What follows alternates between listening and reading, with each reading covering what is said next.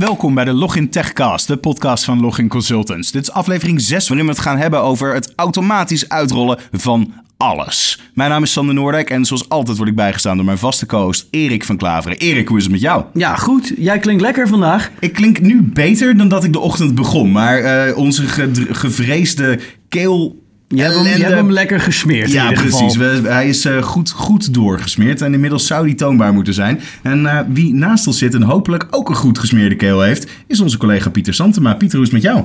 Hallo jongens, ja, bij mij gaat het eigenlijk heel goed. Ik heb een hele drukke week gehad met de Microsoft Tech Summit en andere klanten waar ik eh, heel erg hard mijn best moest doen om eh, fantastische dingen neer te zetten. Dus ja, even lekker om hier bij jullie zitten eigenlijk. Nou, absoluut. Hey, en kun je kort omschrijven wat jouw rol is binnen Login?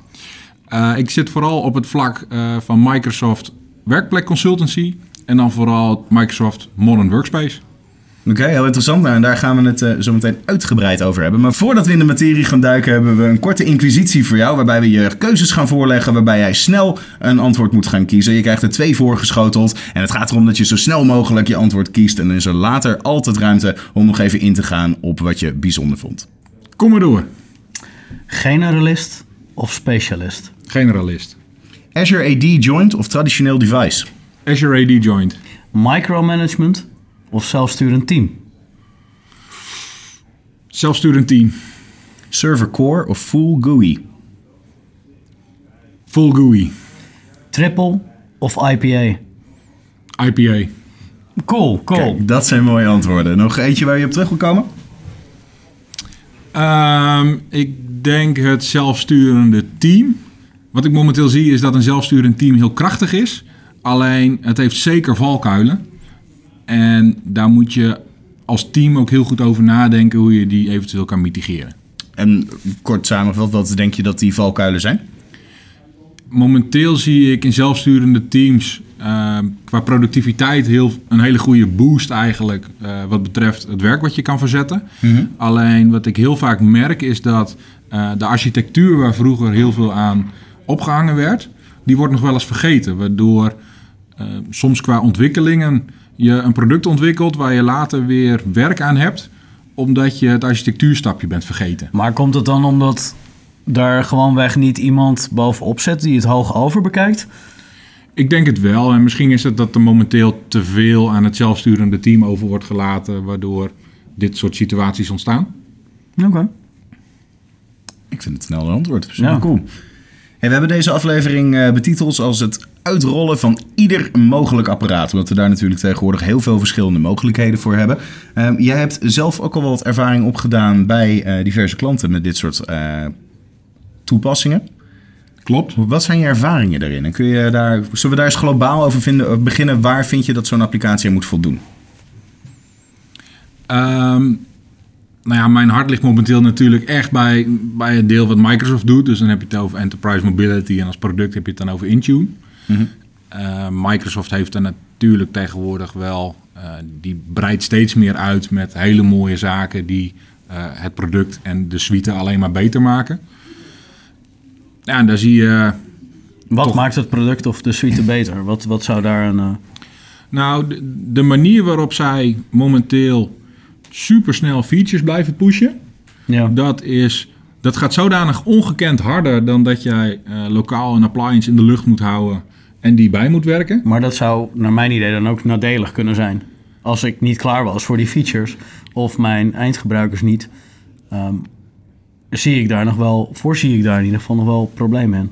Ja, het is vooral eh, de, het is een beetje op een rijdende trein springen wat je momenteel hebt. En Dat zodra lijkt me je- sowieso niet handig. Ik niet Nou- wie van ons dit al eens heeft geprobeerd, maar een rijdende trein. Nou, de rijdende trein is vooral eh, het Microsoft Cloud gedeelte. Dat, dat dendert al een aantal jaar door. En eh, dat blijft gewoon eh, elke bijna week hebben we gewoon nieuwe updates. Voor bedrijven die redelijk klassiek ingericht zijn, strikt alle punten en comma's in de gaten houden voordat ze daadwerkelijk een stap kunnen nemen, die zijn niet flexibel genoeg om met zo'n ja, nieuwe trend eigenlijk om te gaan. Maar, maar ehm, zet Microsoft dan nu niet een hele markt aan de kant feitelijk? Door hun te dwingen om op deze wijze te werk te gaan. Want wat je, wat je aangeeft voor de mensen die voorop willen lopen, eh, is die nieuwe update cycle echt super tof. Eh, ik, ik bedenk een feature en ik wil het eh, snel hebben. En hey, een half jaar later kan het ineens beschikbaar zijn. Maar tegelijkertijd komen we uit een wereld waarbij we alles altijd heel goed getest wilden hebben. Je, je kent zelf ook situaties met banken die een, eh, een minstens één operating system achter willen lopen. Omdat ze dan de volledige update cycle uh, doorgehad hebben en alle valkuilen kennen. Zie je dat niet als een nadeel? Waar je vooral um, goed om moet denken is dat een, een migratie naar een zodanige omgeving, dat hoeft niet een Big Bang te zijn. En er zijn heel veel scenario's denkbaar waarop je op een verantwoordelijke manier toch wel stappen kan maken naar zo'n moderne cloudomgeving. Ja, oké, maar nou heb je het over de migratie. Nu zit ik er al in. Nu heb ik alles draaiende. En Microsoft. Wacht, vrijdag draait alles. En dit is een situatie die jij mij hebt verteld, dus waar jij in hebt gezeten. Vrijdag werkt alles, alles is getest. Maandag, bam, stuk. Ja, dat hebben we inderdaad meegemaakt. Uh, achteraf bleek ook dat de klant daar misschien in het weekend ook nog een aantal dingen opnieuw had ingeladen. misschien. Wellicht. maar uh, ja, dat hebben we inderdaad meegemaakt. En, uh, maar dan ja, zou dat echt een nadeel kunnen zijn om een keus te maken voor zo'n situatie waarbij je zelf niet de controle hebt over de frequentie van updates, wanneer er gepatcht wordt, uh, wanneer de veranderingen plaatsvinden ik ben het wel met je eens. Waar je alleen wel. Uh, wat we in ieder geval heel goed hebben geleerd van uh, het voorbeeld wat je nu net gaf. Is dat je uh, heel goed na moet denken over wanneer je nou welke stappen van een bepaalde migratie doet. In dit scenario was het namelijk, uh, er was vanuit de klant tijdsdruk om even snel 400 laptops te vervangen. Het, het even snel zegt in principe al genoeg natuurlijk. Inderdaad. Uh, daar zit je uiteraard... Uh, het was of in dit geval uh, autopilot gebruiken... of kiezen voor een traditionele aanpak met imaging... omwisselen met eindgebruikers. En dat was eigenlijk de keuze die je kon maken... Alleen daar hadden we ook direct de wetenschap dat we over een half jaar die 400 machines nog een keer moesten omruilen. Het is een goede leerschool geweest. Absoluut. Voor de klant, voor ons denk ik. Zeker. Uh, heeft Microsoft hier nog debit uh, of um, iets aan kunnen winnen? Ja. Uh, waar wij tegenaan liepen is de hoeveelheid apparaten die wij wilden enrollen. De interface was er nog niet eens klaar voor. Het systeem dat werkte prima. Met hier en daar best wel wat uitzonderingen. Maar wij hebben 400 devices in autopilot gehangen in dat geval. Terwijl de interface maximaal 100 ondersteunde. En als je dan door de stappen loopt waarmee uh, een apparaat geënrold wordt middels autopilot, dan is het eerst importeren en daarna ken je ze een profiel toe. Alleen dat profiel toekennen is een losse stap waar, die je pas kan doen vanuit de interface. Dus de eerste 100 apparaten kon je prima toevoegen. En daarna was je 300 apparaten kwijt. Die moest je per serienummer moest je ze weer terugzoeken en dan kon je ze een profiel toekennen. Hm. Dat waren zaken, de interface was er gewoon op dat moment nog niet klaar voor. Terwijl het product wel een status had van general available. Hm. Hadden, we dit kunnen weten of kunnen voorzien van tevoren? Was dit een preview product? Ja. Dat is wat Want, ik me dan ook direct afvraag ja. eigenlijk. Want 100 devices, nou, kom in een omgeving waar er wel meer worden. Nee, maar het is, het is ook in de opbouw met uh, Office 365 en Skype for Business is het ook een hele lange tijd geweest dat uh, er bepaalde restricties opgelegd worden. Dus dat wanneer jij een x aantal gebruikers heeft, dat is wat standaard kan. En wil je meer, dan kan dat. Maar dan moet je daarvoor met Microsoft contact opnemen om, uh, om daar zeg maar, toestemming voor te krijgen. Zetten ze het vinkje aan dat je meer kan installeren. Ja, je noemt het nu product, maar Autopilot is eigenlijk een service die ervoor zorgt dat een apparaat vanuit je out-of-the-box experience mm.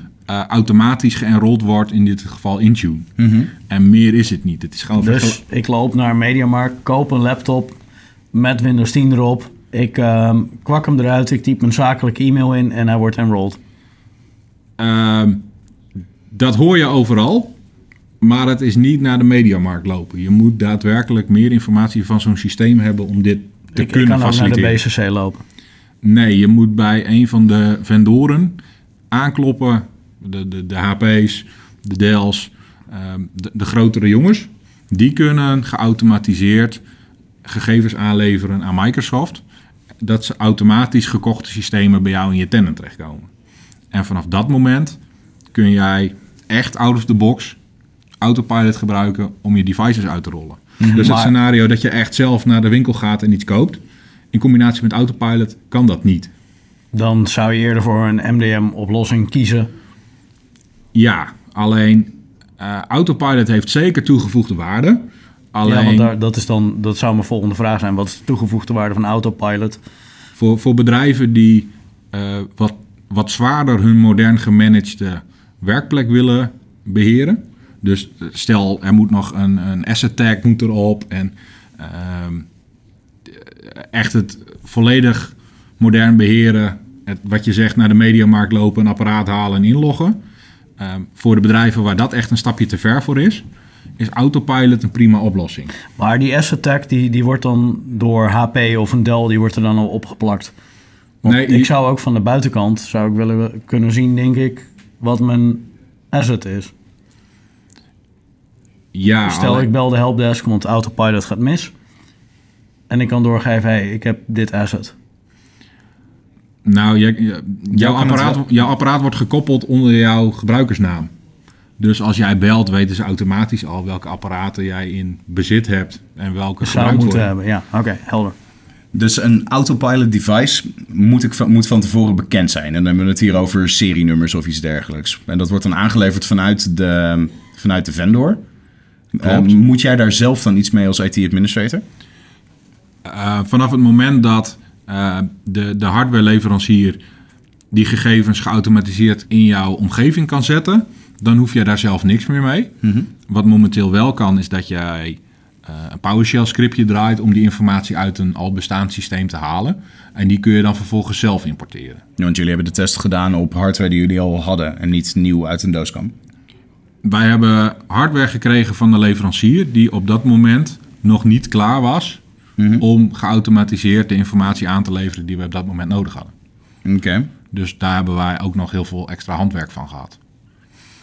En wanneer we het voorbeeld van Erik aanhouden, van ik wil naar een winkel kunnen lopen, daar een laptop kopen en die met mijn credentials eh, aangeven, mijn eh, Microsoft account, eh, zijn daar nu voldoende oplossingen voor? En dan bedoel ik goed genoeg. Is er een oplossing daarvoor die nu goed genoeg daarvoor is? Het is misschien een beetje een gek antwoord, maar ik denk dat de oplossing van je vraag vooral in je architectuurkeuze zit. Waar je namelijk heel goed om moet denken, is dat de, de modern management visie die Microsoft momenteel pretendeert, ehm, die is er zeker. Alleen die visie die houdt ook vooral in dat je gebruikers in staat stelt om heel veel dingen zelf aan zo'n systeem te beheren, eventueel aan te passen. Ehm, de hele, het, het hele landschap wat ze eigenlijk om die eh, werkplek van een gebruiker heen zetten, is er puur op gefocust dat als je apparaat voldoet aan een aantal beleidsinstellingen, dat je dan gewoon volledig je werk kan doen. Eh, op het moment dat die laptop begint af te wijken van wat minimaal noodzakelijk is voor jouw niveau van veiligheid, dan worden per direct al jouw toegang tot zakelijke diensten afgekapt. Ehm, Nu heb je het over conditional access, dat soort ja, zaken. klopt. Ik, ik snap de toegevoegde waarde niet helemaal van autopilot ten opzichte van een, eh, een Intune. Is het een onderdeel van Intune?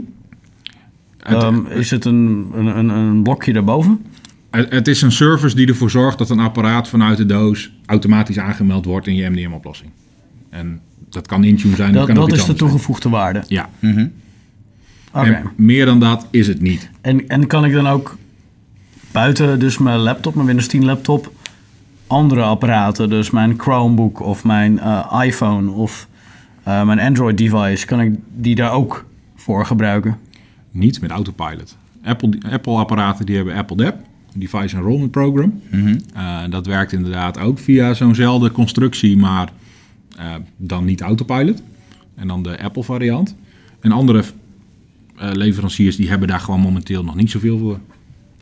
Maar ga je uit van de situatie dat je een gebruiker de, de mogelijkheid geeft om choose your own of bring your own devices mee te nemen, dan zie ik daar zelf ook minder toegevoegde waarde in. Ehm, een van de grote voordelen waar je Autopilot momenteel voor wil gebruiken, is er zitten een paar dingetjes in die het leven net iets mooier maken voor een eindgebruiker. Ja, en welke dingen zijn dat dan? Je kan ehm, het eerste account wat aangemaakt wordt op je werkstation, dat kun je met de vinkje kun je gewoon zeggen, ik wil dat dat geen local admin gebruiker is. Maar zeg ik dat als gebruiker of zeg jij dat als IT-admin? Dat zeg je als admin. Oké. Uh, ander gaaf ding is dat je een aantal schermen uit je out-of-the-box experience kan slopen. Ehm, waarmee een gebruiker eigenlijk een nog makkelijkere ehm, weg krijgt om zijn zakelijke apparaat te gaan gebruiken. En dat is aan de ene kant ehm, heb je daar wel meerwaarde aan, want het ziet eh, eh, vanuit de doos tot aan een volledig werkend apparaat die door jouw werkgever gemanaged is. Dat is eigenlijk daar krijg je een hele solide, bijna drie kliks weg, waarmee je zo'n apparaat in beheer neemt. Dus het is een sneller mechanisme om je gebruiker te voorzien van een nieuwe werkplek. Modern Workspace. Ja, Want hij is al bekend feitelijk in je MDM-applicatie.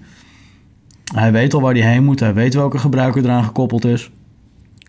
eh, hij weet nog niet welke gebruiker eraan gekoppeld is. Dat weet hij pas op het moment dat jij daadwerkelijk jouw e-mailadres invult. Maar op dat moment kan hij daadwerkelijk alles bij elkaar zoeken om te zorgen dat hij het apparaat zodanig configureert zoals jij hem nodig hebt.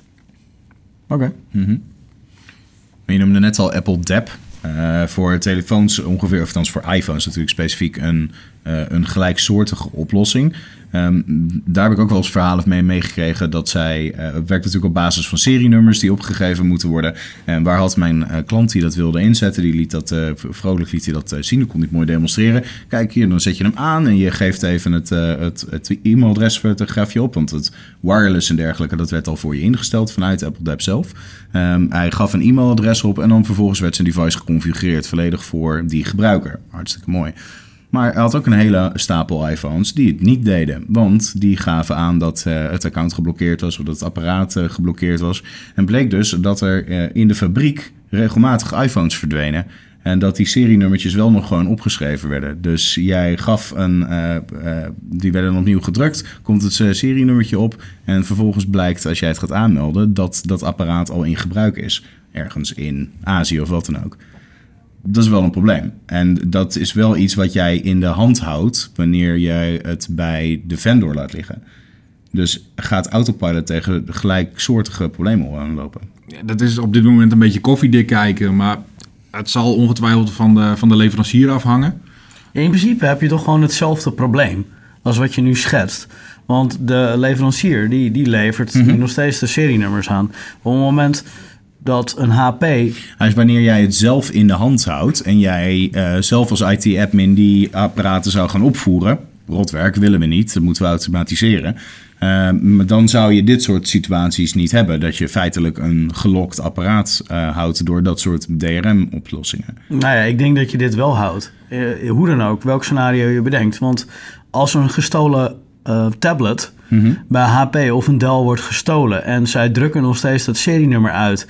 en jij bent degene die dat serienummer krijgt... en jij hebt die opgevoerd... het- loop je nog steeds met een gestolen apparaat rond. Althans, wat ergens anders nog steeds rondloopt. Dus dan hou je dit probleem. Ja, maar waar je vooral rekening mee moet houden is het modern managen van een werkplek zoals, zoals we dat momenteel zien bij Microsoft. Die gaat uit dat een gebruiker prima in staat is om eh, in plaats van drie schermen misschien wel vijf eh, door te klikken op het moment dat hij een laptop krijgt uit een doos. Ehm, in plaats van dat stap 3 is, vul je companygegevens in, gewoon je e-mailadres, eh, is het scherm 5 op het moment dat de gebruiker daar kiest van hey, dit apparaat is van een bedrijf, dat is hetzelfde punt waar je binnenkomt als dat je autopilot zou gebruiken om dat te doen. Autopilot die, die, die polijst eigenlijk het pad net even iets mooier dat je automatisch in dat scherm komt. En toch denk ik dat... Het, het klinkt mij nog steeds als veel meer werk. Voor de achtergrond. Voor de gebruiker niet, maar op de achtergrond. Op het moment dat alle stappen die we nu schetsen met het importeren van gegevens van, van devices in autopilot om te zorgen dat het wat soepeler gaat, als dat volledig geautomatiseerd wordt, dan is het een heel gaaf extra service die er echt voor gaat zorgen dat je minder werk hebt aan het uitleveren van je apparaat.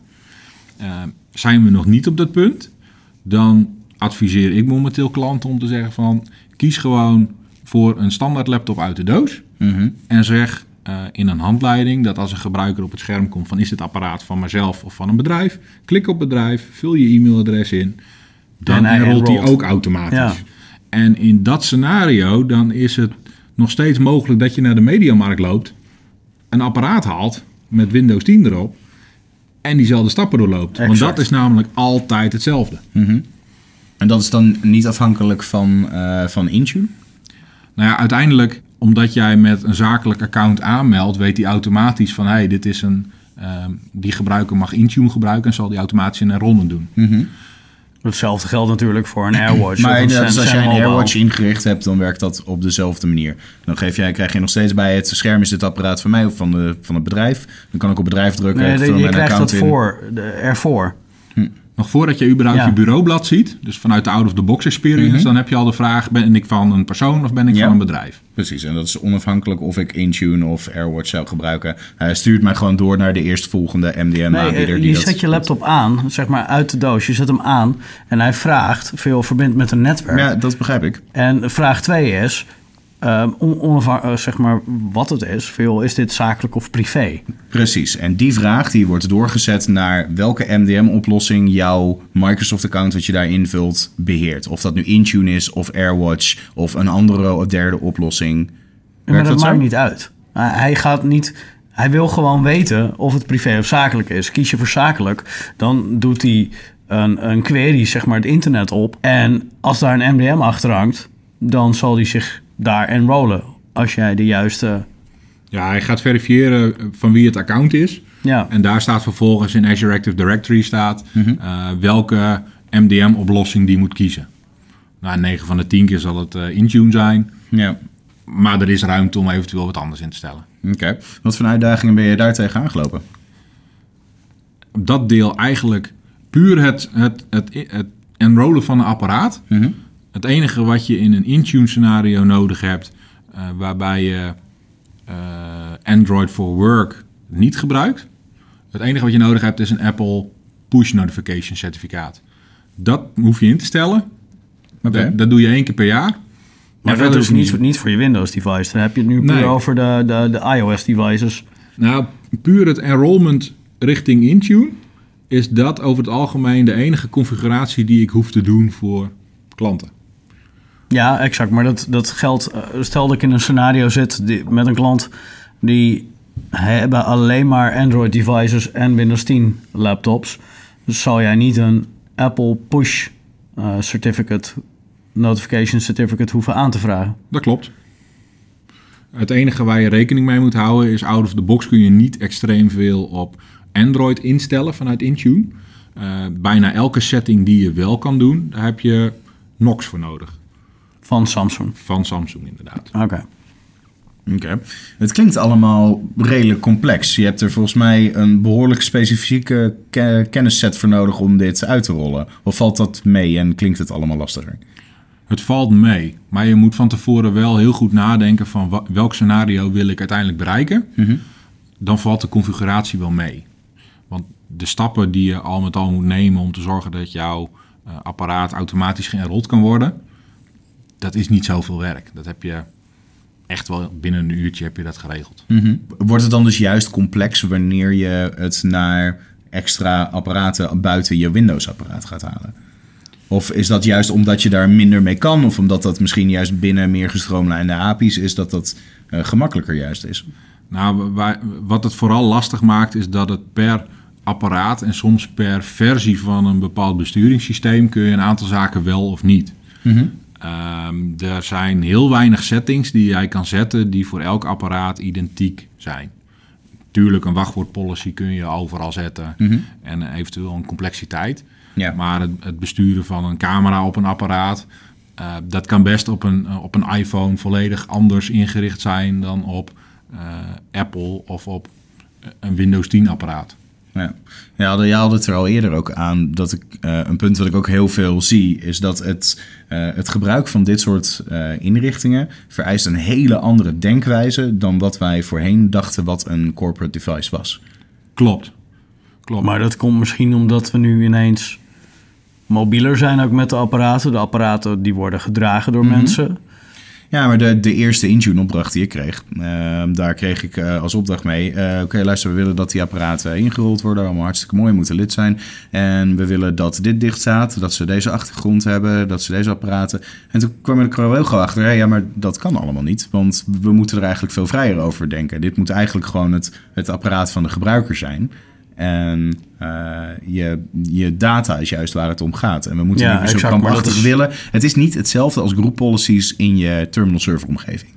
Nee, maar dat, dat, dat riepen we uh, vorige sessie of de sessie daarvoor ook al veel. Mm -hmm. Het is meer niet het apparaat, niet de applicatie op het apparaat, maar de data die daar doorheen gaat of die, die, die mm -hmm. je kan bewerken of die inzichtelijk is. Dat is wat je wil managen. Maar dan krijg je al een heel ander soort oplossing, denk ik, als waar we nu mee aan het spelen zijn. Het zou mooi zijn als een van de grote fabrikanten dit zou kunnen aanbieden. En ik denk dat als je wederom een combinatie maakt van van alles en geld geen issue zou spelen, dat je dit prima kan realiseren. Maar ja, hoeveel tijd en effort je daar dan in wil gaan steken, dat, dat is dan de vraag. En hoeveel de klant ervoor wil betalen. Mm -hmm. Nou, het valt best mee kostentechnisch. Om alleen de data, dan heb ik het puur over de data. Dus we gaan niet afnemen wat de gebruiker wel en niet kan op het device. We gaan niet het device meer managen. We gaan niet de applicaties managen. Alleen de data. Ja. En die ja. gebruiker die heeft nergens last van verder. Die kan gewoon doen wat hij of zij wil. Ja, dataclassificatie is sowieso het meest lastige in, in welk traject dan ook. Om te zorgen... En op any device. Eens. Dan, dan krijg je best een complexe setting... Mm -hmm. uh, mijn eerste voorbeeld van een, een MDM uh, slash MAM oplossing... daar wilden ze daadwerkelijk een full-blown desktop... wilden ze kunnen openen. Nou, ik kan je vertellen, een schermpje ter grootte van je iPhone of je smartphone... daar wil je niet een full-blown desktop op. Uh -huh. Dat heb ik ze geprobeerd duidelijk te maken... Ik geloof pas na een half jaar kwam er één iemand naar me toe. En dat was toevallig de halve pief. En die zei, ja, maar ik maak hier daadwerkelijk gebruik van. En dat was iemand met een, een phablet. Dus die had al een iets grotere okay. telefoon expres aangekocht. En die had zichzelf omdat hij dit wilde. En die had zichzelf aangeleerd dat hij netjes met zijn duim het uh, muisje kon bewegen. En dat hij exact. kon klikken. Nou ja, in sommige oplossingen zit een uh, shell-aanpassing mm -hmm. eroverheen op het moment dat je een full-blown desktop opent. Ja. Maar dit is volgens mij meer MAM en MDM. Dus Apple Dep hebben we het nu over gehad. We hebben Autopilot. Maar er is dus geen één ander die dit eigenlijk doet. Nee, alleen Apple die heeft inderdaad de, de mogelijkheid om een apparaat uit de doos uh, klaar te maken voor gebruik in een zakelijke omgeving. En verder is er niemand. Voor fabrikanten valt hier nog wel aan te spijkeren. Als zij uh, alleen maar Windows 10 of Apple devices, iOS devices willen uh, deployen met mm -hmm. een mechanisme. er zijn meer devices die de ronde doen. Ja, ik denk dat je hier vooral moet kijken naar een, een, een, een, aanpassing in de visie die je moet hebben voor hoe ga ik apparaten gebruiken om te zorgen dat mijn medewerkers productief zijn. Op het moment dat jij je data en eventueel applicaties uh, kan aanbieden op een uniforme manier en uh, jij verlegt eigenlijk de, je, je, je scheidingslijn van waar, waar zit nou exact veiligheid. Tuurlijk moet je apparaat veilig zijn. Alleen de laag die Microsoft ertussen legt met conditional access, die ervoor zorgt dat uh, onveilige apparaten überhaupt niet terechtkomen bij jouw corporate omgeving. Nee, maar ik bedoel, ja, daarvoor zie ik alleen het voordeel. Voor de rest, het is alleen maar in je, je, je, je deployment of je enrollment van je device. Dat, daar biedt het een extra laag aan. Voor de rest heeft het niet echt een grotere toegevoegde waarde dan dat. Nou, op dit moment zie ik geen meerwaarde om automatisch enrollment van apparaten te gaan doen. Ja, het is handig om je gebruikers wat meer tevreden te stellen en misschien een, een iets minder lange handleiding aan te bieden. Mm -hmm. Maar uh, ga je helemaal op in de, de visie van het uh, haal een apparaat ergens vandaan en je wil je werk erop doen. Dus echt het any device, anytime, anywhere. Dan wil je uiteindelijk je gebruikers nu beginnen met opleiden om, of in ieder geval kennis laten maken met ehm, dat ze zelf iets meer stappen moeten doen om uiteindelijk in zo'n situatie terecht te komen. Daarmee heb je ze op de lange termijn, ongeacht wat voor apparaat ze hierna mee komen, mits het ondersteund is, kunnen ze eigenlijk al aan de gang met zo'n apparaat. Omdat de, de weg naar een ehm, compliant device heb je het dan over. Een apparaat waar je grip op hebt dat een aantal zaken minimaal geregeld zijn die jouw veiligheid Ja, want positief feitelijk heb, je, hij is cor- corporate issued. Eh, dat hoeft niet per definitie. Daar kun je wel een knip in maken. Maar Maar zie jij een gebruiker, zeg maar, hardware ID's opzoeken, zodat die bekend gemaakt kunnen worden in autopilot? Nee, dat, dat, is het, dat is het managed scenario waar ik het nou exact niet over heb. Ik heb het puur over het feit dat als je... ehm, ja, het is nu verschrikkelijk spannend voor bedrijven om te zeggen van... wij laten onze endpoints, of het nou laptops zijn of telefoons... die laten wij volledig door een gebruiker ehm, eh, in beheer. Ja, Uh, local adminrechten zijn eh, des duivels en dat is, het is heel spannend. En in de klassieke inrichting van werkplekken, soms moet je er inderdaad aan, maar graag wil je dat de gebruiker zo minimaal mogelijk rechten heeft. ja.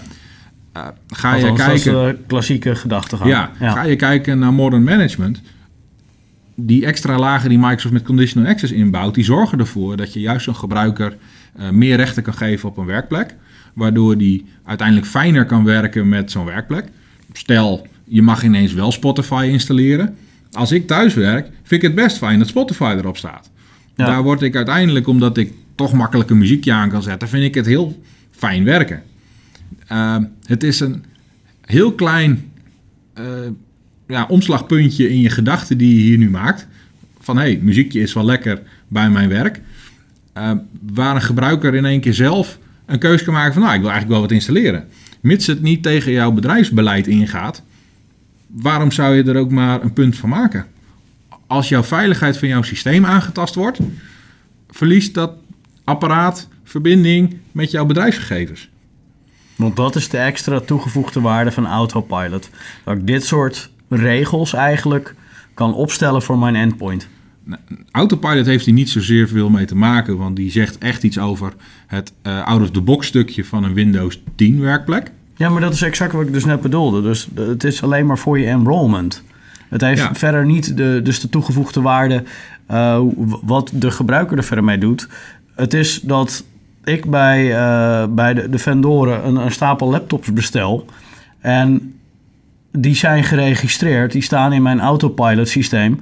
En ik doe ze aan en ze worden gedeployed conform mijn corporate uh, policy. Ja. Ja, oké, okay, helder. Ik, ja. Ik, ik, zie je een maar erachteraan willen gooien.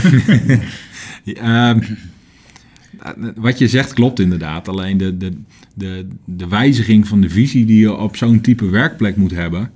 Dat is gewoon echt het allerbelangrijkste hete hangijzer waar ik momenteel uh, een aantal projecten waar ik op mee heb gedraaid, uh, daar zie ik het nu op misgaan. Uh, die mensen die verwachten nog steeds dat er een, een apparaat komt waar ze immens veel grip op hebben en die proberen aan alle zaken die zij de afgelopen jaren gewend zijn met het verschrikkelijk granulair managen van mm -hmm. zo'n werkstation. Uh, die proberen zich aan alle kanten vast te klampen aan wat ze nog kennen, omdat het nieuwe heel eng voelt. Maar dat is toch een beetje ook de filosofie van heel het modern management. En Autopilot zou er maar een klein onderdeeltje dan van zijn. Ja, dat is zo ongeveer het, het kleinste radertje in heel de machine. Alleen die, die visie die je moet hebben van een gebruiker, die kan echt wel iets meer dan um, een laptop openklappen, hem aanzetten en een applicatie starten. Je moet echt een, een, extra stap gaan maken naar... Geef die gebruiker nou een apparaat waar hij van alles mee kan. Het is allemaal prima, totdat veiligheid in het geding komt. Oké. Okay. Ja. En autopilot is puur um, een iets makkelijkere stap... voor misschien een gebruiker die nog niet zo technisch onderlegd is... dat je de eerste vijf schermen van een uh, out-of-the-box experience door kan lopen... Daar is ja. het fantastisch voor. Oké. Okay. En voor de rest is die visie het meest belangrijke wat je in een modern management scenario tussen iedereen's oren mm -hmm. wil krijgen. Want daarmee gaat of staat zo'n type het, werkplek. Het loslaten van het oude denken, wij beheren wat de gebruiker kan. En we laten de gebruiker niet voor wat het is. Klopt. Helemaal waar. Nou, dus dat sluit goed aan bij de vraag waar ik naartoe wilde gaan. Voor wie is het niet? Ik denk dat je dan nu naar een, eh, de, de stijve organisatie kijkt die volledige grip op het apparaat wil hebben en die de medewerkers zeg maar niet vertrouwt. Dan is dat natuurlijk een beetje kortzichtig uitgelegd, maar Fort Knox. die nog niet wil vertrouwen in de, in de vrijheid eh, van mensen en het vertrouwen erin willen hebben dat zij een apparaat goed kunnen behandelen en goed kunnen omgaan met de data. Klopt. Ehm, hier is ook weer echt... Data is de meest belangrijke speel waarom je wel of niet... ehm, al dan niet snel richting zo'n scenario kan. Ehm, kosten is wel een, een, een, apart ding. Want hoe ehm, meer en hoe makkelijker je mee kan in zo'n moderne werkplek. en in dit geval, ja, het is misschien een beetje een vendor lock-in. Dat besef ik ook wel.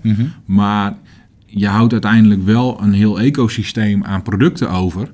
Waar je bijna, nou, ik weet niet of het bijna is, of waar je waarschijnlijk meer grip hebt over het totaal dan wat je nu met allemaal losse producten kan die misschien best in, best in slot zijn. Ehm, ga je kijken naar de zaken die Microsoft momenteel doet met artificial intelligence, met, met eh, patroonherkenning, dat soort zaken. Ehm, heel veel van de kennis die ze daarvoor gebruiken, die komt uit Windows 10 systemen. En daar zijn er gewoon immens veel van op de wereld. Ehm, Windows 10 staat er ook bekend om dat hij heel veel terugrapporteert naar Microsoft. Klopt. Al die veiligheidsinformatie is exact wat er teruggerapporteerd wordt aan Microsoft. Dat wordt precies gebruikt om al die algoritmes optimaal te krijgen, om veiligheid ehm, nog veel verder te verhogen en te zorgen dat zo'n Maar werkplek het gaat nu alleen over eh, de informatie die de veiligheid in het geding kunnen brengen. Het gaat niet om... eh, Microsoft leest mijn documenten. ja, exact. Nee, dat, dat is niet zo. Nee, dat was ook mijn vraag. Ehm, wat je wel ziet op, op dataclassificatieniveau is tuurlijk ehm, kunnen zij automatisch klassificeren. Alleen dat zijn algoritmes en software. En dat zijn geen mensen die meekijken met documenten. Eh, Er zijn geen, geen, is geen data gegenereerd uit de echte wereld. Ehm, nee, maar ga je kijken, Word, ehm, Exchange, SharePoint hebben allemaal mechanismen in zich voor een stukje klassificatie van data. Ehm, als jij een e-mailtje typt in Outlook, dan is er automatisch een algoritme die kijkt van hé, hey, wat wordt hier getypt? Ja. Uh, en op het moment dat jij een configuratie toepast in zo'n client, dan heeft hij bepaalde triggers waar hij op gaat hanteren.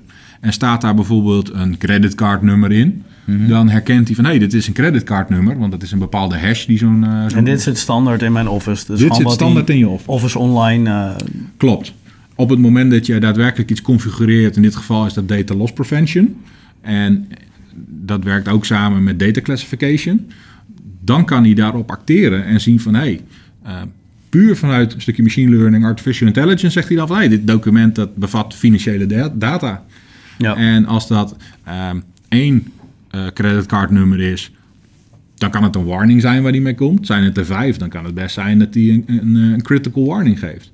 Een gebruiker krijgt op zo'n moment ook daadwerkelijk ehm, feedback van Outlook in de vorm van een gele of een rode balk. Van hey, wat je nou aan Ja. het doen bent, is creditcardinformatie sturen naar iemand buiten je organisatie. Waarop de sendknop ook grijs wordt. Dat je het gewoon niet mag versturen. Nou, hij wordt niet grijs, maar je krijgt binnen twee seconden je mail weer terug. Als je, Nou, als je hem toch echt verstuurt. En het Maar wordt ik gelogd. wil echt zeg maar deze 10.000 creditcardgegevens versturen naar een prins in Nigeria. Nou ja, er zit een configuratie in dat de gebruiker een override kan doen, maar hoe dan ook, het wordt gelogd. Ja, ik, ik zei, dit wordt, er wordt een mail gestuurd, er wordt geaudit. En dit zal ook deels te maken hebben met wetgeving die eraan gaat komen. Absoluut. Ja, oké, helder. Is dit dan ook, eh, want we vragen natuurlijk onze gasten om altijd een eigen topic mee te nemen. Is dit dan ook een van de onderbelichte security features die we op het moment hebben? Dat was jouw topic.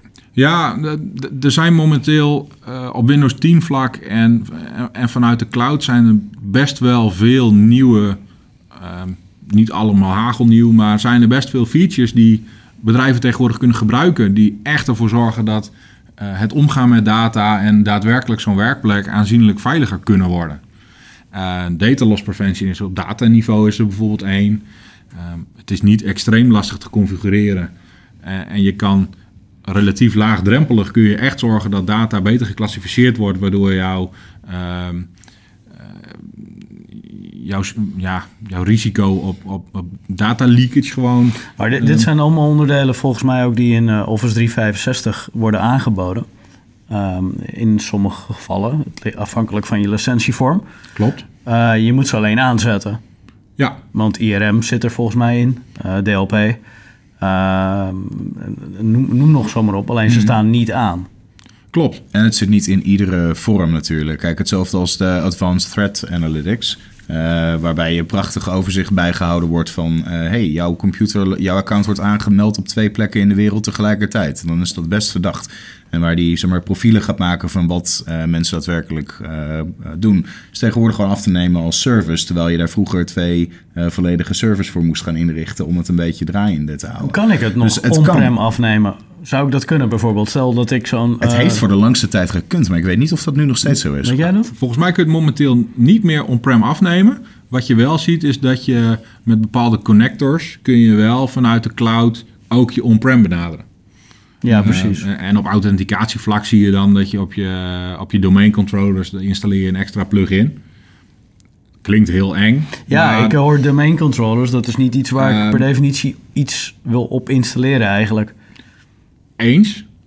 Maar zo'n plugin geeft jou eh, wel dan ineens over jouw ehm, deel gemodern, modern gemanagede apparaten. Geeft hij een overzicht rechtstreeks vanuit de cloud, omdat die al rechtstreeks connectie hebben. Ah joh, het gaat gewoon naar Microsoft. Kan best. Ja, en de, de rest van die gegevens, die komen via, die, eh, via zo'n plugin vanuit Microsoft, die rechtstreeks met jouw tenant gelinkt is, Ja. eh, komen die als ook gewoon in zo'n systeem. En daarmee heb je alsnog een single pane of glass waar mensen toch wel naar op zoek zijn om te zien hoe hun volledige omgeving ervoor staat. Mhm. Ja, het, het, het, de hele AI-oplossingen die, we nu aan het, eh, die we nu in werking beginnen te zien, eh, dat neigt natuurlijk wel een beetje naar de angst voor security en de robots nemen ons over. Wat we natuurlijk al jaren bang meegemaakt zijn in de films. Maar zodra wij er meer en meer voorbeelden van gaan zien hoe het voor ons kan werken, zoals in deze van dat er je gedrag gelogd wordt, eh, waarop gebaseerd kan worden dat hey, wat er nu gebeurt is wel heel erg out of the ordinary voor jou. Eh, ik denk dat daar juist eh, dat dat echt enorm gaat bijdragen in de adoptie van dit soort zaken. Klopt. Het het is inderdaad een groot deel eh, bangmakerij wat we vanuit eh, de Terminator films en eh, dat soort dingen allemaal gezien hebben. Maar het was zo'n toffe film. Absoluut.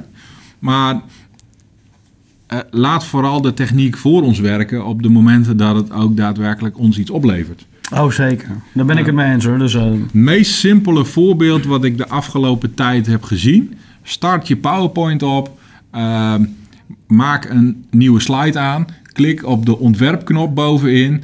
Ga helemaal rechts naar design suggesties. Ja, Plak jij vier plaatjes in je PowerPoint. we kennen Komt hem. die automatisch met suggesties. Ja. Voor echt een fantastische opmaak. Waar ik zelf normaal drie uur mee aan het prutsen was voor één slide.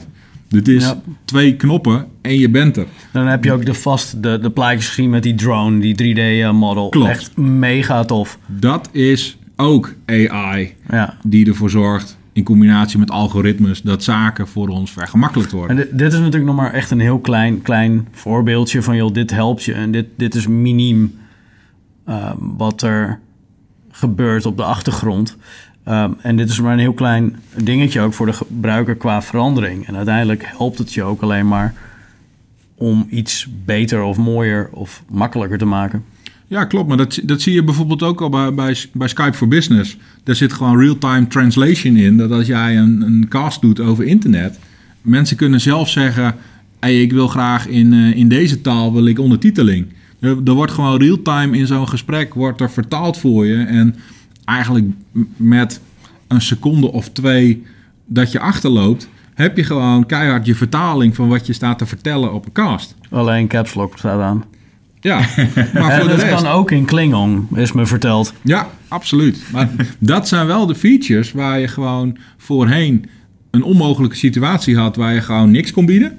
Waar Ja. je nu met artificial intelligence gewoon opties hebt om een breder publiek toch heel goed te, te bereiken. Ja.